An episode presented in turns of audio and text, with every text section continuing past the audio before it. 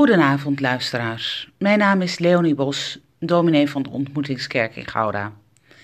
Ter bemoediging in deze onrustige tijden lees ik elke dag de dagtekst van het NBG en daarna een kort gebed. En de dagtekst vandaag komt uit Johannes 4. En daar zegt Jezus: Ik zeg jullie dit. Kijk om je heen, dan zie je dat de velden rijp zijn voor de oogst.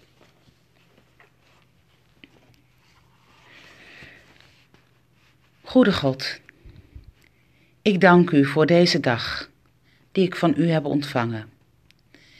Ik dank u voor de mensen om me heen, mensen die naar me omzien, mij met hun liefde omringen.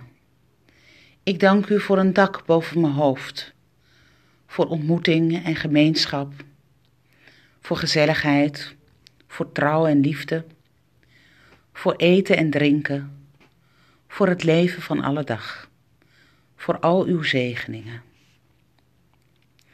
Ik wil u bidden, schenk uw Heilige Geest. Laat mijn hart in vuur en vlam staan voor u, dat ik mag ervaren en beseffen dat u mij draagt, dat u met mij bent te midden van zorg, te midden van pijn, van verdriet. Ga met me mee, God, met uw geest, in mijn leven en op dit moment. Wanneer ik vol van vreugde ben of vol van zorgen. Met een hart van verdriet of een hart van blijdschap. Vervul mij met uw geest.